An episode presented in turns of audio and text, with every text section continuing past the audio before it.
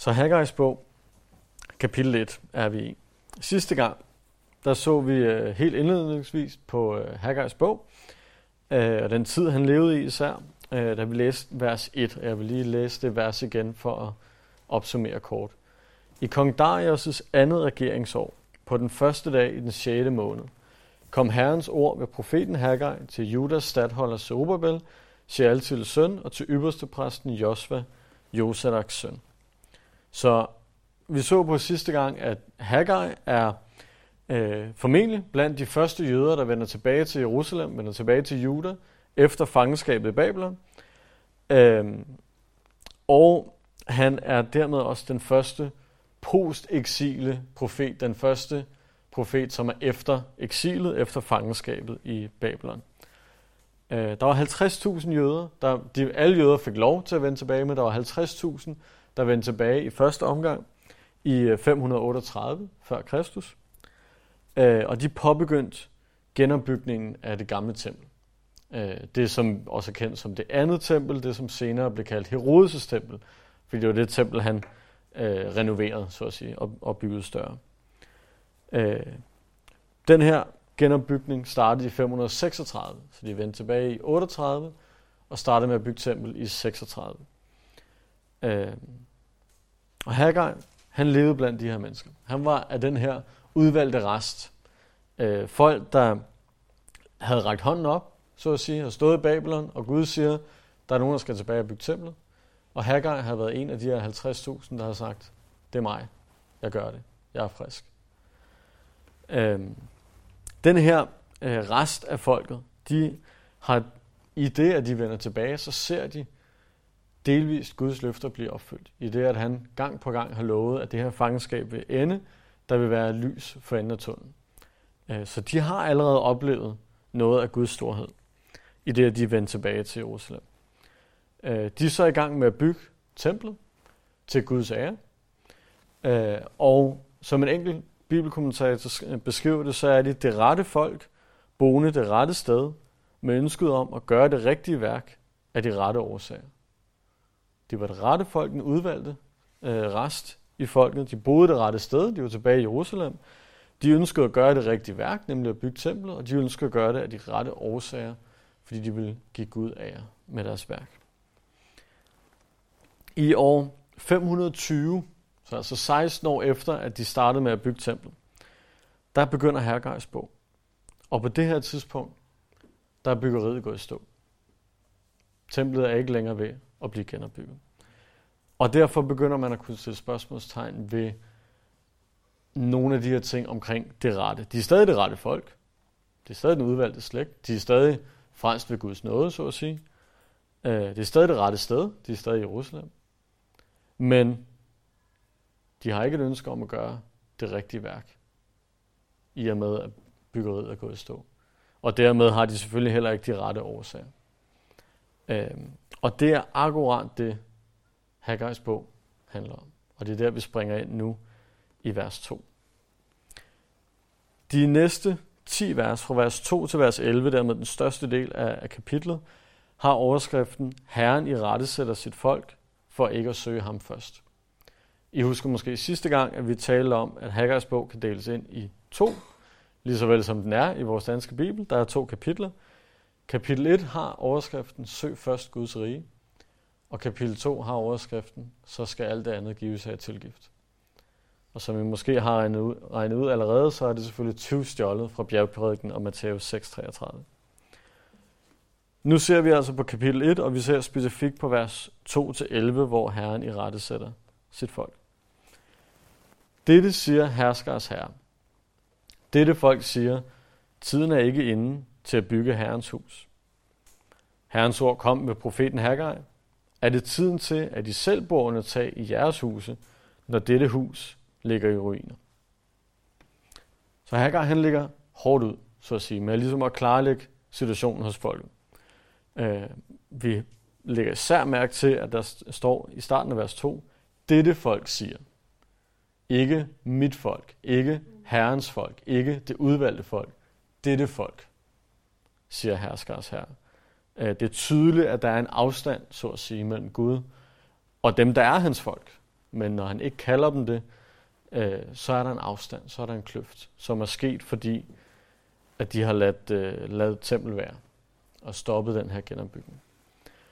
Øh, vi, har, vi så i vers 1 på øh, Zerubbabel og Josva, som er henholdsvis den politiske og den religiøse leder i folket, og det er dem, Haggai ligesom taler til på vegne af folket. De har højst sandsynligt, som, som ledere her i folket, som dem, der, der ledte tilbagetoget, så at sige, fra Babylon til Jerusalem, de har selvfølgelig været fuldt ud klar over den her situation. Og, og de har heller ikke været tilfredse med det. De kan ikke have været tilfredse med at stå og kigge på en bar plet, der hvor der engang var et tempel. De kan ikke have tænkt, det er fint. Men Hagar, han starter med at, og pointere det her, for ligesom at sige, det her er, hvad budskabet handler om. Så de ved det jo godt på forhånd, men han understreger det lige. At Guds hus ikke er bygget, kunne man forklare med forskellige årsager. Der er masser af gode undskyldninger derude. Der er også masser af dårlige undskyldninger. Men man kunne sagtens sige, jamen, vi er lige vendt tilbage fra fangenskab. Alt er kaos. Vi, lad os lige få lov til at slå os ned. Der er masser af fjender rundt omkring og stadigvæk. Lad os lige vente med at, at bygge Guds tempel. Der er undren. De er lige vendt tilbage. Der er masser af fjender. Der er ikke nogen, der har nogen penge. Alle prøver bare sådan lidt at, at klare sig det bedste, de nu engang kan. Det, det er gode undskyldninger for ikke at have bygget Guds hus endnu. For ikke at have gjort hans værk endnu. Problemet er bare, at der står, at de bor fint i deres egne huse. De var der heller ikke, da de vendte tilbage. På hebraisk så står der, det er, det er beskrevet med et ord, som, som beskriver det som særdeles fine huse. Som, som huse, der har udstyr, der koster mere end det almindelige. Så det er ikke fordi, de mangler penge. Det er heller ikke fordi, de mangler tid, fordi dem har de godt kunnet bygge. Og der står sågar i det hebraiske, så vidt jeg har kunnet forstå på de kommentarer, jeg har læst, der står det som om, at de dvæler der. Det vil sige, de bor der afslappet, uden den store bekymring. Så det er heller ikke, fordi tiden mangler. Og det er heller ikke, fordi de har det helt store problem med deres fjender, selvom de selvfølgelig var der. Så Haggai's spørgsmål til folk er helt lige til. Hvad siger tiden? Eller på en mere almindelig dansk, hvad er klokken? Er, er det tid til at søge Guds rige først? Eller er det tid til at søge jeres eget rige først? Er det tid til at bygge Guds hus først, eller er det tid til at bygge jeres eget hus først? Og det er sådan lidt sarkastisk sagt, fordi han har jo allerede svaret på det, i og med at han siger, at det er det her, I har gjort. De har allerede valgt muligheden at bygge deres egen hus først. Men han, han gør det på den her sarkastiske måde, for at ligesom vise dem, hvor stor deres svigt er. Deres forsømmelse over for Gud. Gud har lige frelst dem ud af fangenskab. Han, han har lige vist dem, de løfter, jeg har givet jer, de står ved magt. De er tilbage i Jerusalem, de er den udvalgte rest. Og så fokuserer de mere på sig selv, end på ham. Det, det, var ikke, det var ikke bare en eller anden simpel bygning. Det var ikke bare rådhuset eller et eller andet. Det var Guds hus. Det var selve symbolet på, hvad den by stod for. I at være Guds udvalgte sted. Og selve symbolet, selve det sted, man kunne tilbede ham under den gamle pagt. Det var det, de nedprioriterede. Så lige så vel som at Haggai's spørgsmål til folket var tydeligt, så er spørgsmålet til os i dag også tydeligt. Er det tid til at søge Guds rige, eller dit eget rige? Er det tid til at gøre hans værk, eller vores eget værk? Er det tid til at bruge al den tid og energi og overskud, vi overhovedet har, på at tjene ham eller tjene os selv? Og jo, der er arbejde, og der er familie, og der er mange forpligtelser i livet. Men hvad gør vi med resten? Selvfølgelig er der ting, vi, vi er nødt til. Vi kan ikke bare sige vores job op, og så tænke, fint, så, øh, så har jeg gjort mit. Nu tjener jeg Gud hele tiden, og jeg vil gøre det ved at vaske gulvet i kirken hver dag, fordi det har det garanteret brug for, når vi er her to gange om ugen. Det er unødvendigt. Men hvad gør vi med den tid, den energi, det overskud, vi har, når alle de almindelige forpligtelser er klare? Jim Elliot, øh, en kendt missionær, sagde engang, han er intet fjols, som giver, hvad han ikke kan beholde, for at få det, han ikke kan miste. Han er intet fjols, som giver det, han ikke kan beholde, for at få det, han ikke kan miste. Når vi en dag står foran Guds trone og skal belønnes for vores trofaste tjeneste for Jesus, så tvivler jeg på, at Gud er blevet mere ophøjet, fordi at jeg er blevet rigere. Eller fordi jeg havde en flot karriere. Eller en god uddannelse. Eller et eller andet. Alle de ting, vi rager sammen, selv bøger, som er gode ting at rave til sig. Men alle de ting, vi rager til sig i løbet af vores liv, rager til os i løbet af vores liv, dem får vi ikke med. Du kan ikke tage noget med i himlen. Heller ikke hunden.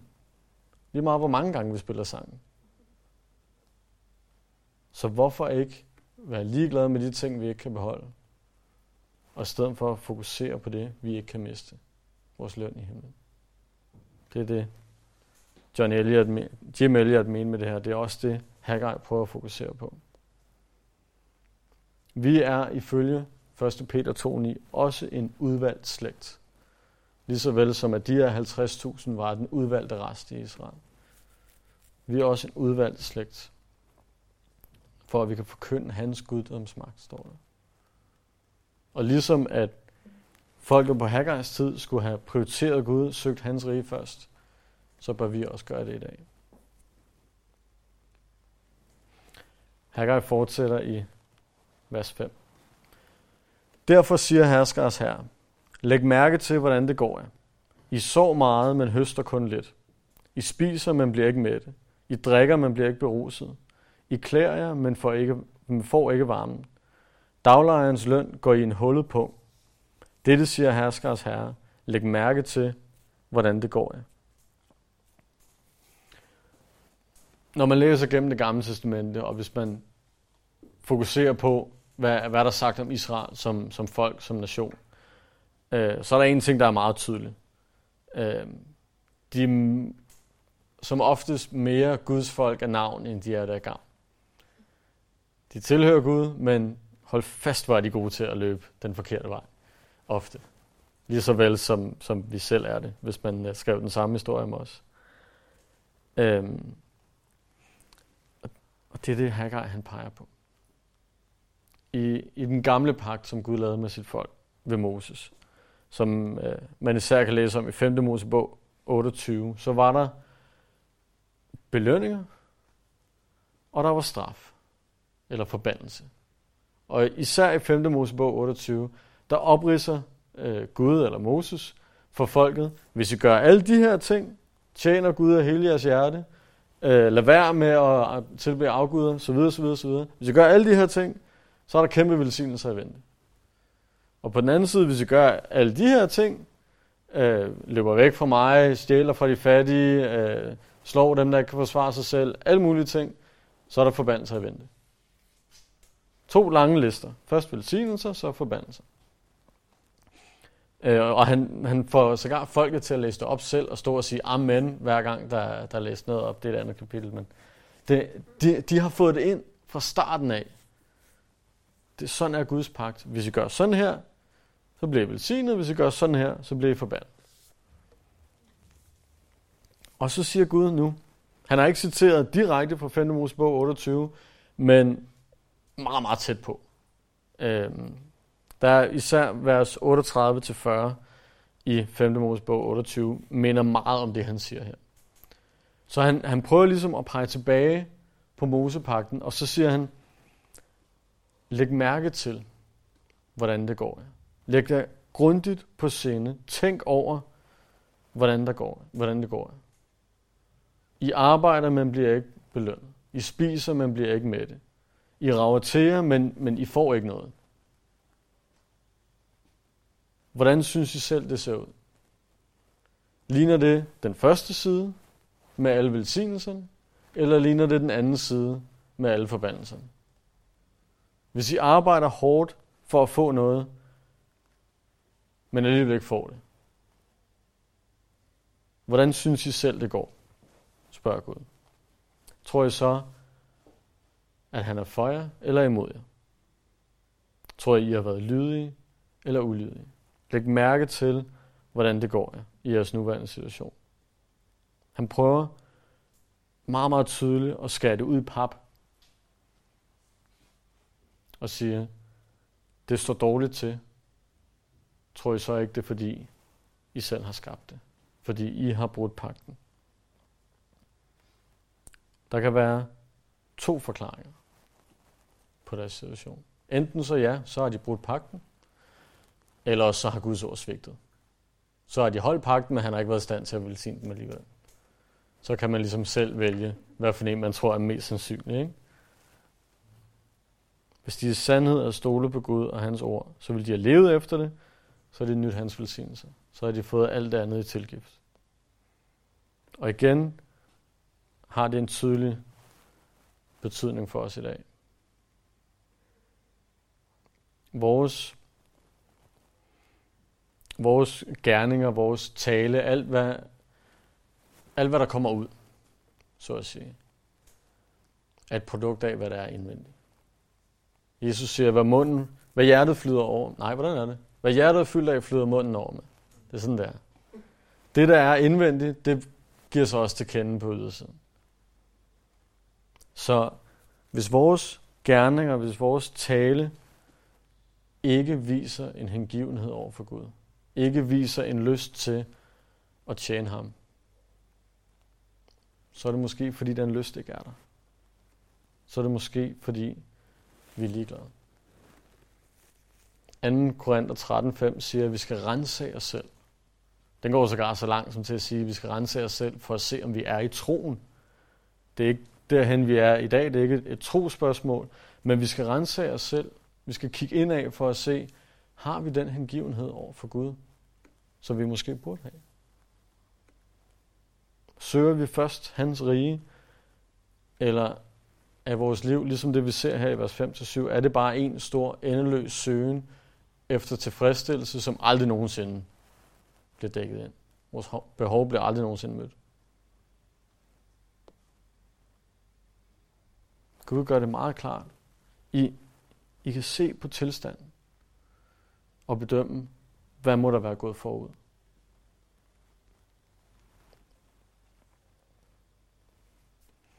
Vers 8. Gå op i bjergene, hent træ og byg huset. Så vil jeg glæde mig over det og vise min herlighed, siger Herren. I ser frem til meget, men får kun lidt. I bringer til huse, men jeg blæser det væk. Hvorfor, siger herskers herre? Fordi mit hus ligger i ruiner. Men I har travlt med hver sit hus. Derfor holder himlen dukken tilbage, jorden holder sin afgrøde tilbage. Jeg udråber tørke over landet og bjergene, over kornet, vinen og olien, over alt, hvad jorden lader vokse, over mennesker og dyr, over alt, hvad hænder frembringer. Så Gud har, har prøvet at vise situationen. Han har prøvet at få jøderne til at tænke over, hvordan ser deres situation ud, og hvordan ser deres hjerte ud. Og så kommer vers 8, som er en centrale del af, af kapitel 1 af den her første prædiken, Hagar han kommer med. Normalt i profeterne, især de små profeter, øh, så starter profeten med at fortælle, det her gør I forkert. Det her er jeres synd. Og så siger han, i, i samme sætning mere eller mindre, omvend jer fra det. I Haggai, der står der ikke noget med omvend jer. Det står der ikke. Der står bare, læg mærke til jeres situation, kig indad, tænk over det. Og så står der til gengæld, dette siger herskers herre, gå op i bjergene, hent træ og byg huset. Og det gør han, fordi det er jo akkurat det modsatte af, hvad synden var. Synden var, I bygger ikke huset. Så nu siger jeg, byg huset. Det, det ligger implicit, at, at det er omvendelse. At vende sig for det, man gjorde forkert, og gøre det andet. Øh, så, så at det, er som, det er som om, at han, er, han, han siger, I ved det jo godt. I, I ved det godt. Jeg har lige bedt jer om at kigge indad, tænke over tingene. I er mit udvalgte folk. I kender godt mit ord. I kender godt pakten. Så nu springer vi bare videre. Det ligger implicit. Omvend jer fra, fra det her. Men byg mit hus. Det er selvfølgelig ikke en særlig overraskende befaling. Det var lidt det, der var problemet, så det er ikke så overraskende, at han, han, beder, han siger, løs problemet. Gør det modsat. Det, der til gengæld er interessant ved den her befaling, det er, at den er trefoldig. I vers 4, der stiller Gud spørgsmål om, hvad tiden var inde til. Så der appellerer han til, til sindet eller til intellekten. Tænk over, hvad, hvad klokken er. Hvordan tingene ser ud. Dernæst i vers 5 og 7, så appellerer han til deres hjerte, fordi han siger, tænk grundigt over situationen. Rensag jer selv, som der stod i 2. Korinth 13. Tænk over det. Tænk over, hvad, hvad er jeres tankegang, hvad er jeres adfærd, hvor leder det jer hen. Det er hjertet, man skal kigge på der. Og til sidst, så befaler han dem at gøre det her i stedet for. Det er viljen, han fokuserer på. Intellekten, hjertet og viljen. Så er der ikke meget mere tilbage i os, han kan appellere til. Og det siger også meget, at især at viljen er med til sidst. Vi skal have lysten til at tjene ham, men det er også et valg at sige, jeg vil tjene Gud. Det er ikke fordi, at hvis du vågner op om morgenen og ikke sådan lige føler for at tjene Gud, så er det fint nok så er der ikke noget at gøre, jeg har ikke lysten, jamen så kan jeg jo lige så godt bare øh, lade være. Øh, så, kan, så kan jeg jo ikke få nogen øh, præmie alligevel, fordi jeg skal jo brænde af, af iver for at gøre alt det rigtige. Det vil være rigtig godt, hvis vi vågner op hver morgen og brændte af iver for Herren. Men hvis vi ikke gør, eller når vi ikke gør, fordi det sker, måske mere ofte end, end hvad, hvad vi har lyst til, så appellerer Gud stadig til viljen og siger, det kan godt være, at du ikke har lyst, men du kan vælge at gøre det alligevel. Du kan vælge at prioritere mig. Så kan det være, at lysten kommer.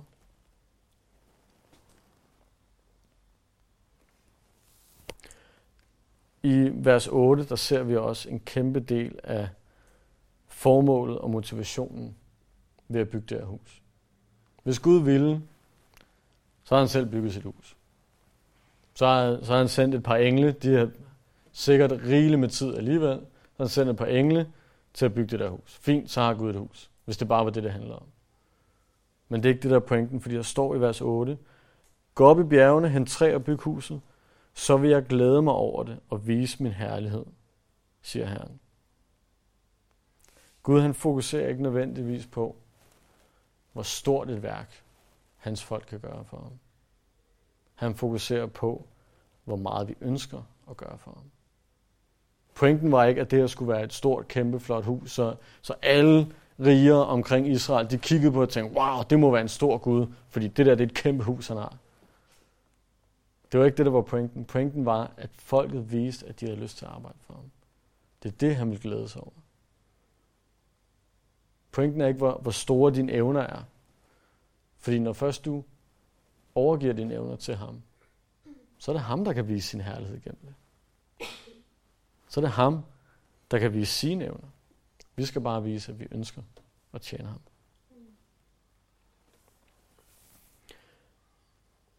Herefter så øh, i de næste vers 9-11, så forklarer Hagar lidt mere om situationen i landet, som han også lige har bedt dem om at, at kigge på. Øh, I vers 6 så stod der, at de så frem til meget og får kun lidt. Det kan roligt siges at være betegnende for, for vers 9 til 11. Øhm, men det, der også er rigtig interessant, det er, at der er stor fokus på, at det er Gud, der står bag den her ulykke eller den her øh, mangel, der er i landet. Fordi der står, jeg blæser det væk, jeg udråber tørke. Og så giver han årsagen til det, fordi mit hus ikke er bygget. Der er meget stort fokus på, at det er Gud, der står bag det her. Det er ikke bare fordi, oh, ah, vi ramte lige to dårlige år med tørke. Øh, jeg havde prøvet at velsigne jer, men jeg kunne simpelthen ikke. Altså, der var for meget tørke, så jeg kunne ikke give afgrøder. Det, det er Gud, der står bag det her. Og igen viser det tilbage på den pagt, Gud havde med sit folk i det gamle testamente. Egentlig lidt ironisk, at i det, de netop prøver på at skabe sig selv rigdom, så arbejder de sig ind i fattigdom. De sagde, vi behøver ikke bygge Guds tempel, vi fokuserer lige på os selv, og det var netop det, der gjorde, at de ikke fik noget til sig selv. Øh, det er lidt ironien i at gå imod, hvad Gud siger. Og det bringer os også frem til de to motivationsfaktorer, som Gud han giver her. Den første er, som vi så i vers 8, at Gud han glæder sig over, at folk tjener ham.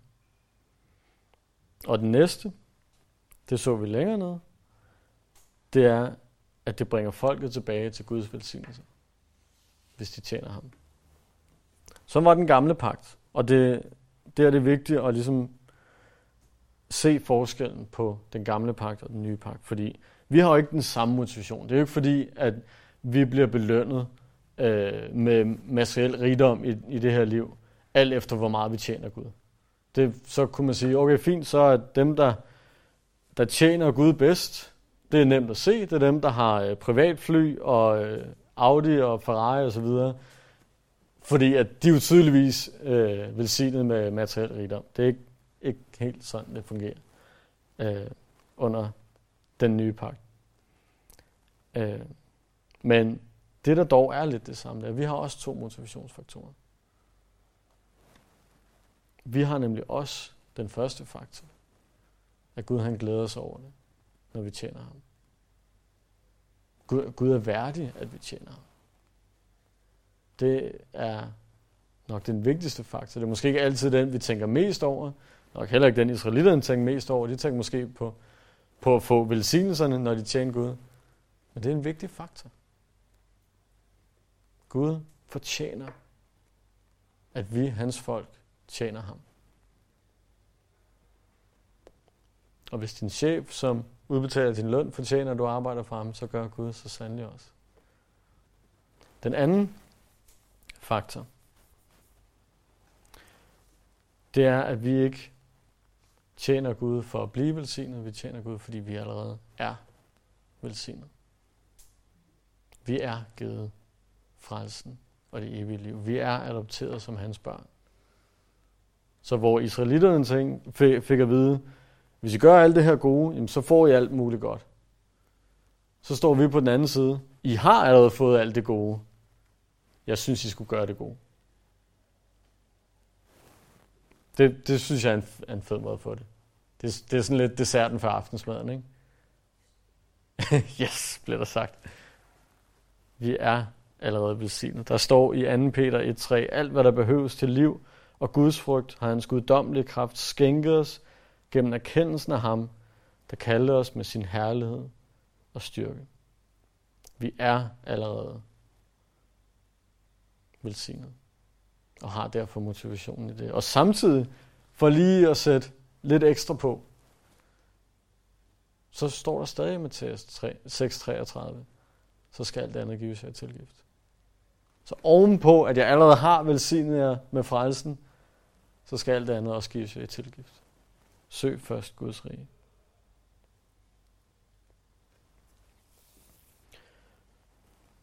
Det var i rettesættelsen. Øh, jeg nævnte også sidste gang, at Haggai's bog består af fire budskaber, eller fire prædikner, fire profetier, om man vil. Den første er her i vers 2-11 i kapitel 1, øh, og så kommer der tre i kapitel 2. Og så er der det her lille mellemstykke fra 12 til 15 her i kapitel 1 som skiller sig ud. Det er nemlig ikke et budskab. Det er folkets svar på det første budskab. Det er folkets reaktion på det, som Haggai lige har sagt. Han går ud i kort træk og siger, søg først Guds rige. Og nu har folket så muligheden for at svare, og de kan selvfølgelig svare, Woohoo! eller de kan svare, ja. Og det er det, vi ser på nu. Og jeg sad og tænkte på en sjov øh, sammenligning da jeg lavede det her. I Jonas' bog, der giver Jonas en fem års prædiken til et folk, der ikke kender Gud. Og det er et budskab, som ikke indeholder nogen som helst form for velsignelse, bare, øh, men snarere bare, I, I kan undgå at blive forbandet, eller I kan undgå at blive udryddet.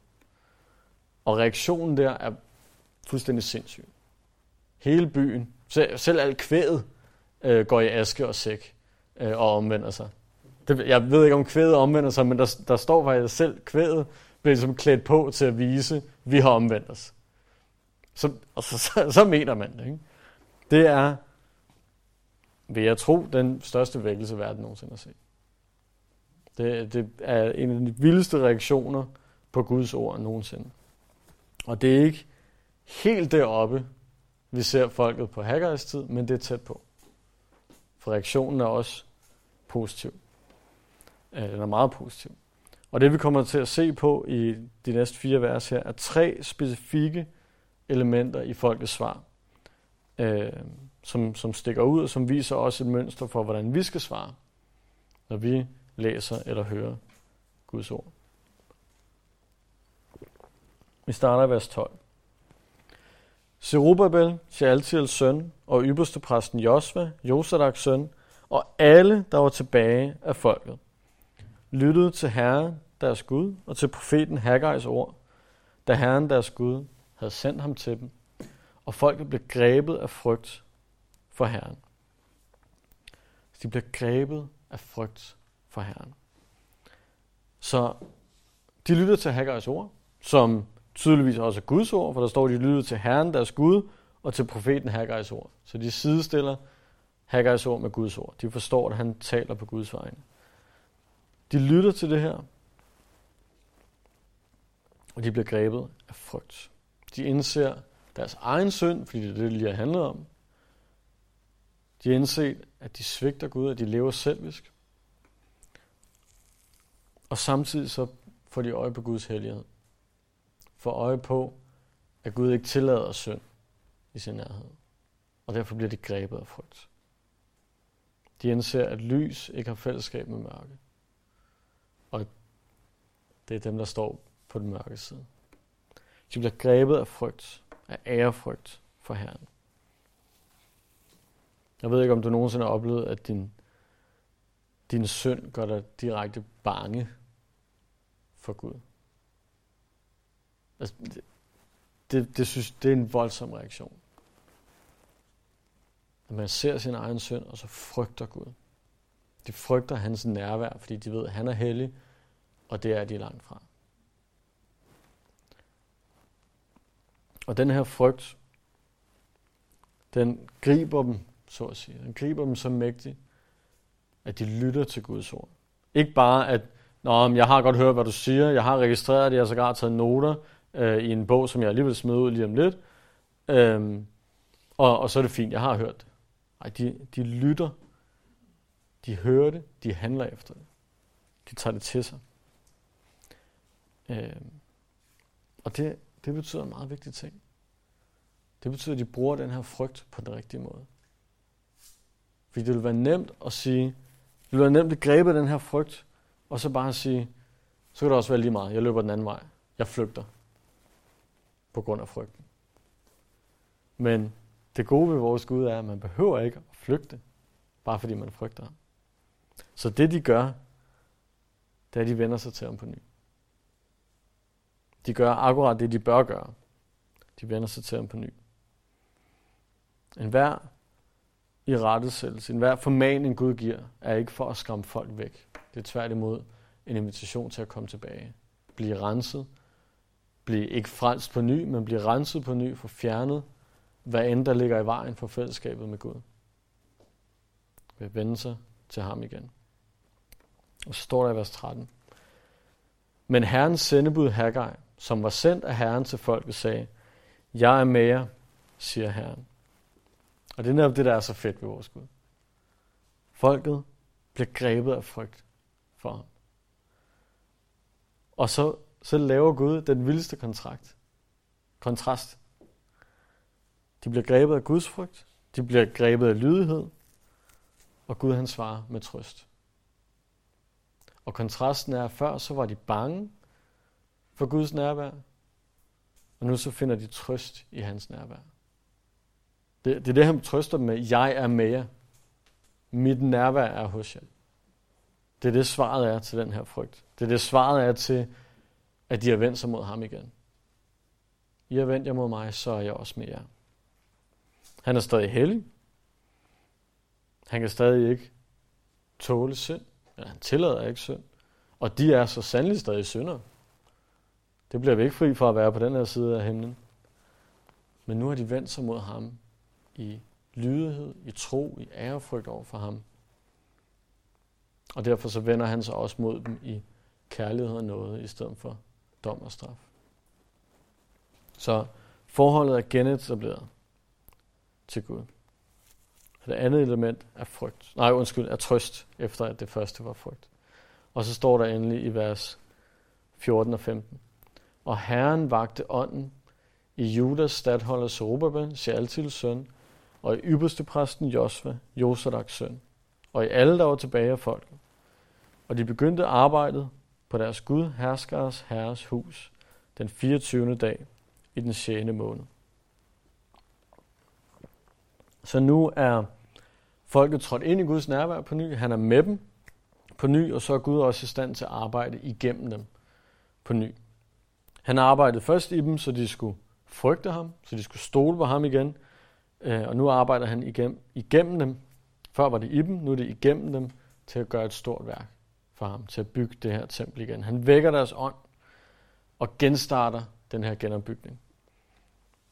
Før så, så var det ligegyldighed, dårlige undskyldninger, der fyldte dem. Nu er det Guds ånd, Guds kraft, der fylder dem. Øh, og det er det tredje element, vi ser i, i det her svar, nemlig Guds kraft, at den kommer over dem. Og ligesom med vores motivation, som vi snakkede om før, øh, så det, at de nu har modtaget den her kraft for oven, på grund af den trøst, de har modtaget, så kan de også arbejde, ikke kun for at få velsignelse igen, men også fordi de er givet en velsignelse i den trøst, i den noget, han viser dem, til trods for deres synd. En meget, meget, meget vigtig ting, det er, at der ikke står, nogle gange kan det være vigtigt at se, hvad der ikke står, i stedet for kun, hvad der står. Der står ikke, at det er Zerubbabel, eller Josva, eller Haggai, der vækker deres ånd. Det er ikke en stor motiverende taler, øh, eller en karismatisk leder, eller et eller andet andet menneskeligt, der vækker deres ånd. Det er Gud, der vækker deres ånd. Det er ham, der vækker dem. Og det er også et godt kendetegn for os, at det, det må aldrig være mennesker. Det må godt være noget, mennesker siger, fordi Gud taler gennem mennesker, men det må aldrig være mennesker som sådan, der vækker vores ånd. Fordi så brænder det ud igen ganske hurtigt. Det er fint at blive motiveret, men det må være Gud, vi søger for at få vagt vores ånd.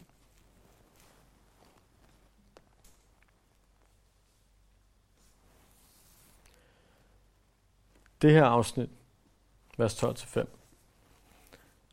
det viser som sagt det her, kan man sige, trefoldige mønster øh, på, hvordan folket svarer, øh, når de hører Guds ord. Det viser også, hvordan, først og fremmest, hvordan frelsen fungerer i det nye testament. For den fungerer på samme måde.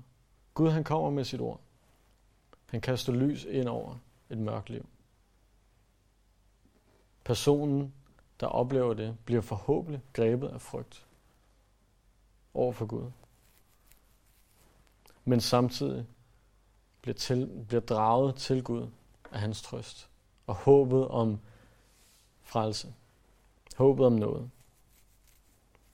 Og dem, der vælger at gå ind ad den dør, dem, der vælger at tage imod Guds trøst, leve sammen med ham, de bliver også fyldt med kraft for oven til at leve for ham. Det er akkurat det, det nye testamente underviser omkring frelse. Det starter med Gud og hans værk, som oftest ved at høre hans ord. Det er svært at kende Jesus, uden at have hørt noget fra Guds ord.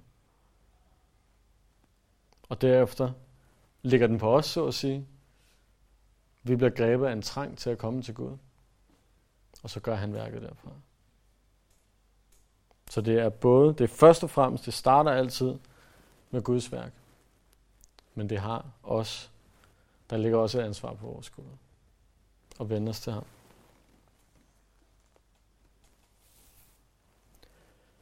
Det Haggai kapitel 1 handler om. Det er det i bund og grund underviser. Det er, at enhver, der tilhører Gud, eller påstår at tilhøre Gud, også bør sætte ham først. Og det bør vi, fordi det er det eneste sted, Gud han hører hjemme. Jeg bekymrer mig ikke særlig meget om, hvad folk, der ikke kender Gud, de sætter først i deres liv. Jeg vil ønske, de satte noget andet først, men også der siger, vi lever for Gud, vi bør også sætte ham først i vores liv. At sætte ham først, det er et kendetegn for, at vores tro er ægte. Ligeså vel som når, når vi læser Jakobs brev, som René netop har gennemgået for kort og kort tid siden, det ved jeg ikke, men i hvert fald relativt for nylig, øh, der læser vi også, at det ikke er vores gerninger, der frelser os, men det, at vi er frelst, gør, at vi gør gode gerninger. Gerningerne er et produkt af, at vi allerede er frelst. Og det samme her, det er ikke fordi, at vi bliver frelst, fordi at vi sætter Gud først i vores liv, men fordi vi er frelst, så er det naturlige produkt af det er også, at vi prioriterer ham.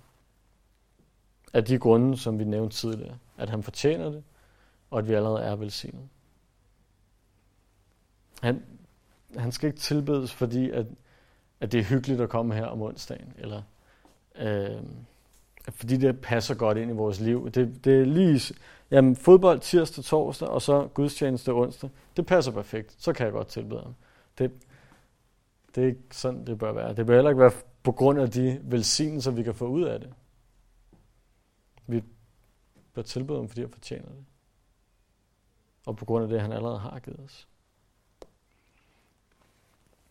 Det, der kan være farligt ved sådan et kapitel, og det vil, vi er færdige med, med teksten, så at sige, men der, der, der er nogle ting, vi er nødt til at fokusere på, så jeg er sikker på, at jeg får sagt det her ordentligt, så at sige. Så, så I ikke misforstår mig. Det, der kan være farligt ved, ved den her tekst, og ved Matthæus 6:33 for den sags skyld, søg først Guds rige, så skal det andet gives af tilgift. Det er, hvis vi kommer til at forstå det som den gamle pagt. Som 5. Mosebog 28. Som velsignelserne og forbandelserne. Man, man kan nemt komme til at opfatte sådan et budskab, øh, som at hvis, hvis vi sætter Gud først, så velsigner han os. Så får vi alle de der dejlige ting.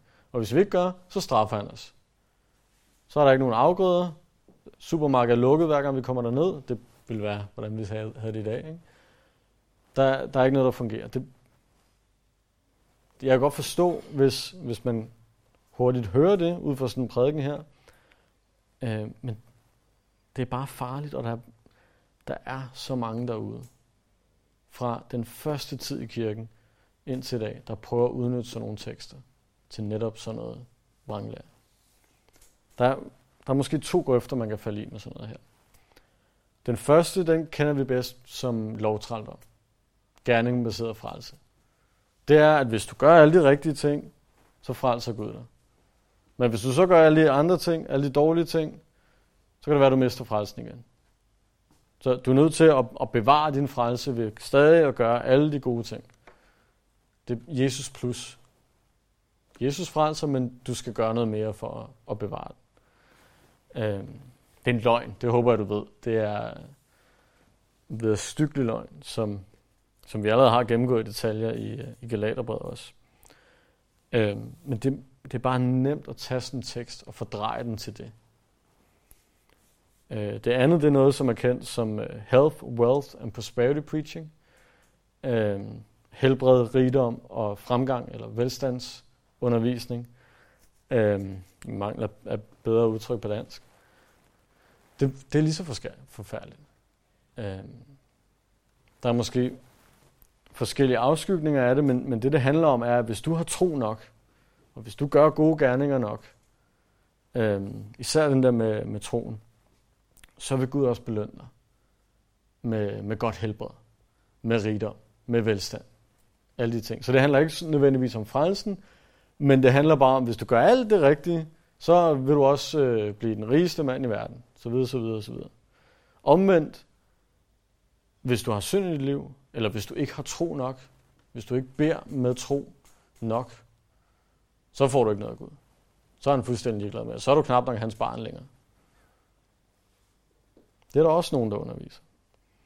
Øh, jeg har altid undret mig over, hvordan man kan undervise det, og så samtidig læse en bibel og se, at Jesus var ludfattig, og Paulus var fuld og syg næsten hele sit kristne liv. Så Jesus og Paulus har tydeligvis ikke haft nok tro, eller været virkelig stykke synder. Det, det, det synes jeg er meget godt klart, men det, det, det er en undervisning eller en lærer, der kommer ud af et vers som det her. Søg først Guds rige, og så skal alt det andet gives her tilgift. Så hvad er det rigtige? Det er tydeligvis ikke de to ting, jeg prøver at fortælle jer her i aften. Hvad er det så, jeg, jeg i stedet for prøver at fortælle jer? Hvad er pointen? Jeg hørte en historie den anden dag, som, som svar på, på et lignende spørgsmål. Øhm, hvor, hvorfor er det, vi søger Gud først? Hvorfor er det, vi ikke bare lever et liv i synd, når nu han har frelst os? Der var, der var en, øh, en gut, der fortalte den her historie. Der er en far og en søn, som tager ud den vilde tur. De tog ud på, øh, på en kanotur. Og øh, de kommer til en bred, hvor øh, de slår lejr, de slår telt op, og faren han er, han er godt nok træt.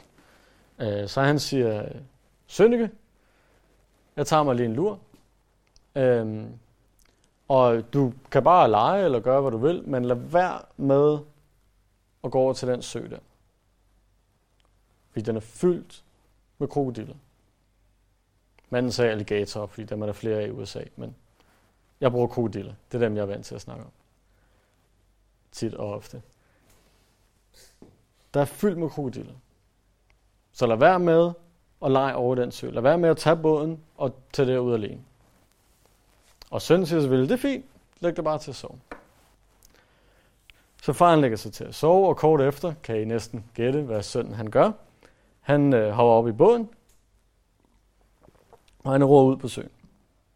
Ud i vandet. Og der går selvfølgelig ikke lang tid, før krokodillerne begynder at vrimle omkring den her båd. Og øh, de, begynder, de skubber til båden. Den gynger. Drengen han bliver redselslagen. Han skriger. Han vælter, fordi båden gynger. Han slår hovedet mod reglingen og besvimer. Med krokodillerne rundt om. Så går der noget tid, og så vågner drengen op inde på bredden. Han er selvfølgelig lidt omtumlet, men han rejser sig op, og han kigger rundt. Og tæt på bredden, og ser han sin far ligge. Fuldstændig lemlæstet af krokodiller. Men han er selv i live. Og han tænker, hold da op. Jeg dummede mig fuldstændig totalt. Men min far har lige reddet mig fra det der.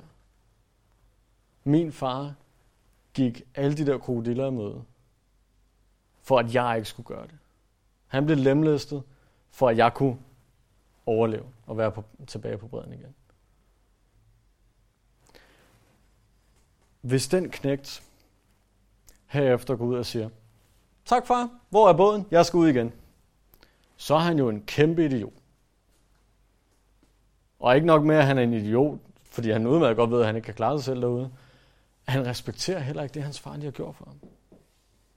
Han, han kigger på sin far og siger, ja, det kan godt være, du lige har reddet mig. Det er lige meget. Jeg gør, hvad der passer mig.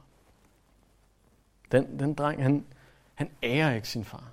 Han gør ikke det, man vil forvente af ham, når hans far har givet så stor en gave til ham. Det er det samme med os. Når vi indser, hvad Jesus har gjort for os på korset. Når, når, når vi virkelig forstår, hvor voldsom en død han gik i møde, for at vi ikke skulle opleve det sammen. For at vi ikke skulle gå fortabt. så mister vi lysten til at sejle ud i den båd. Så kigger vi på hans offer og tænker, det vil jeg gerne ære. Jeg vil gerne vise ham, hvor taknemmelig jeg er, ved at gøre det, der behager ham, og ikke gøre det, han siger, jeg skal lade være med.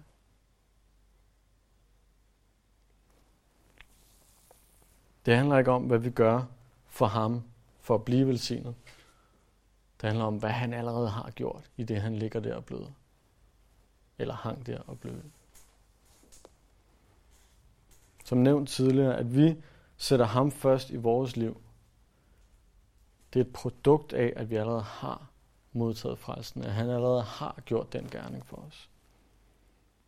Det er et produkt af, at vi forstår, hvor stor hans kærlighed er.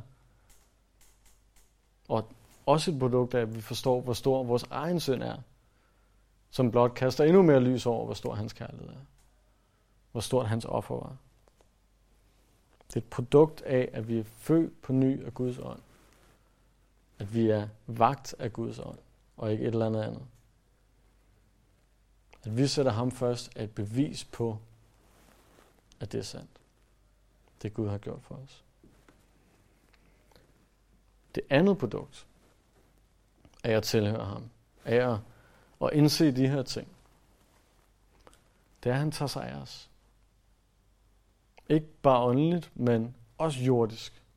Også i det her liv. Giver os alt andet tilgift. Daniel talte for et par søndage siden om, at fra 1. Johannes kapitel 3, at øh, Gud han kalder os sine børn, og vi er det. Det er så fed en sætning, fordi at vi kan gå og kalde os alt muligt. Øh, jeg kunne sagtens gå rundt og sige, at jeg var professionel fodboldspiller på FCK, men hvis jeg ikke er det, så kan det være fløjtende ligegyldigt. Men Gud han kalder os sine børn, og vi er det. Vi er hans børn. Og med, med alt det andet, som gives tilgift, så forstår vi ikke den fede Ferrari, eller den kongelige karriere, eller den herlige hustru eller husbund, eller hvad det nu ellers er for nogle ting, vi, vi går og drømmer om og ønsker. Med alt det andet, så forstår vi, at han alene formår at gøre en ende på den søgen efter tilfredsstillelse, som vi nu engang har. Han formår at give os alt. Alt, hvad vi trænger til. Alt, hvad vi behøver. Og måske det inkluderer den fede Ferrari eller nogle andre ting. Det kan sagtens tænkes. Der er ikke noget, nødvendigvis noget dårligt i at blive velsignet på den måde. Det må bare ikke være derfor, vi gør det. Det må ikke være det, vi hænger vores hat på, for at bruge et gammelt udtryk. Han formår at give os alt, hvad vi trænger til. Og på den måde, så modtager vi også alt det andet i tilgift. Ikke fordi, at vi har været dygtige at søge ham først, men fordi vi allerede tilhører ham. Fordi han tager sig af sine børn. Og fordi hans børn helt naturligt har lyst til at gøre hans vilje. Så vi, vi ærer ham, vi tilbeder ham for hans offer, for hans kærlighed. Vi prøver at vise ham, hvor meget vi elsker ham tilbage, fordi han har elsket os først. Og det gør vi ved at søge hans rige først. Ved at sætte han, ham først i vores liv. Så opfordringen er, lad os gøre det. Lad os ikke længere prioritere vores egen huse, vores egen karriere osv. Så prioritere ham. Den plan, han har for vores liv. Og for den her menighed. Lad os bede. Far, tak, at du er den far, der lå der på bredden. Jesus, tak, at du gjorde det offer for os. Her det tilbeder vi dig for. Priser dig for den du er, for alt hvad du har gjort. Her tak, at vi har lov til at kalde os selv dine børn. Og at vi er det. Og her jeg beder os, at du, at du må vække vores ånd. Vi, vi kan ikke skabe det i os selv, vi har lyst. Vi vender os mod dig nu og siger, her vi vil, vi vil, vil, vil, at det er dig, der er først i vores liv. Og dermed så beder vi her om, at du vækker os. Må du skabe det i os. Må du give os den passion og helt efter dig. Herre, hjælp os til at lægge alle de andre ting bort. Og søge dig først. Vi priser dig, her. Amen.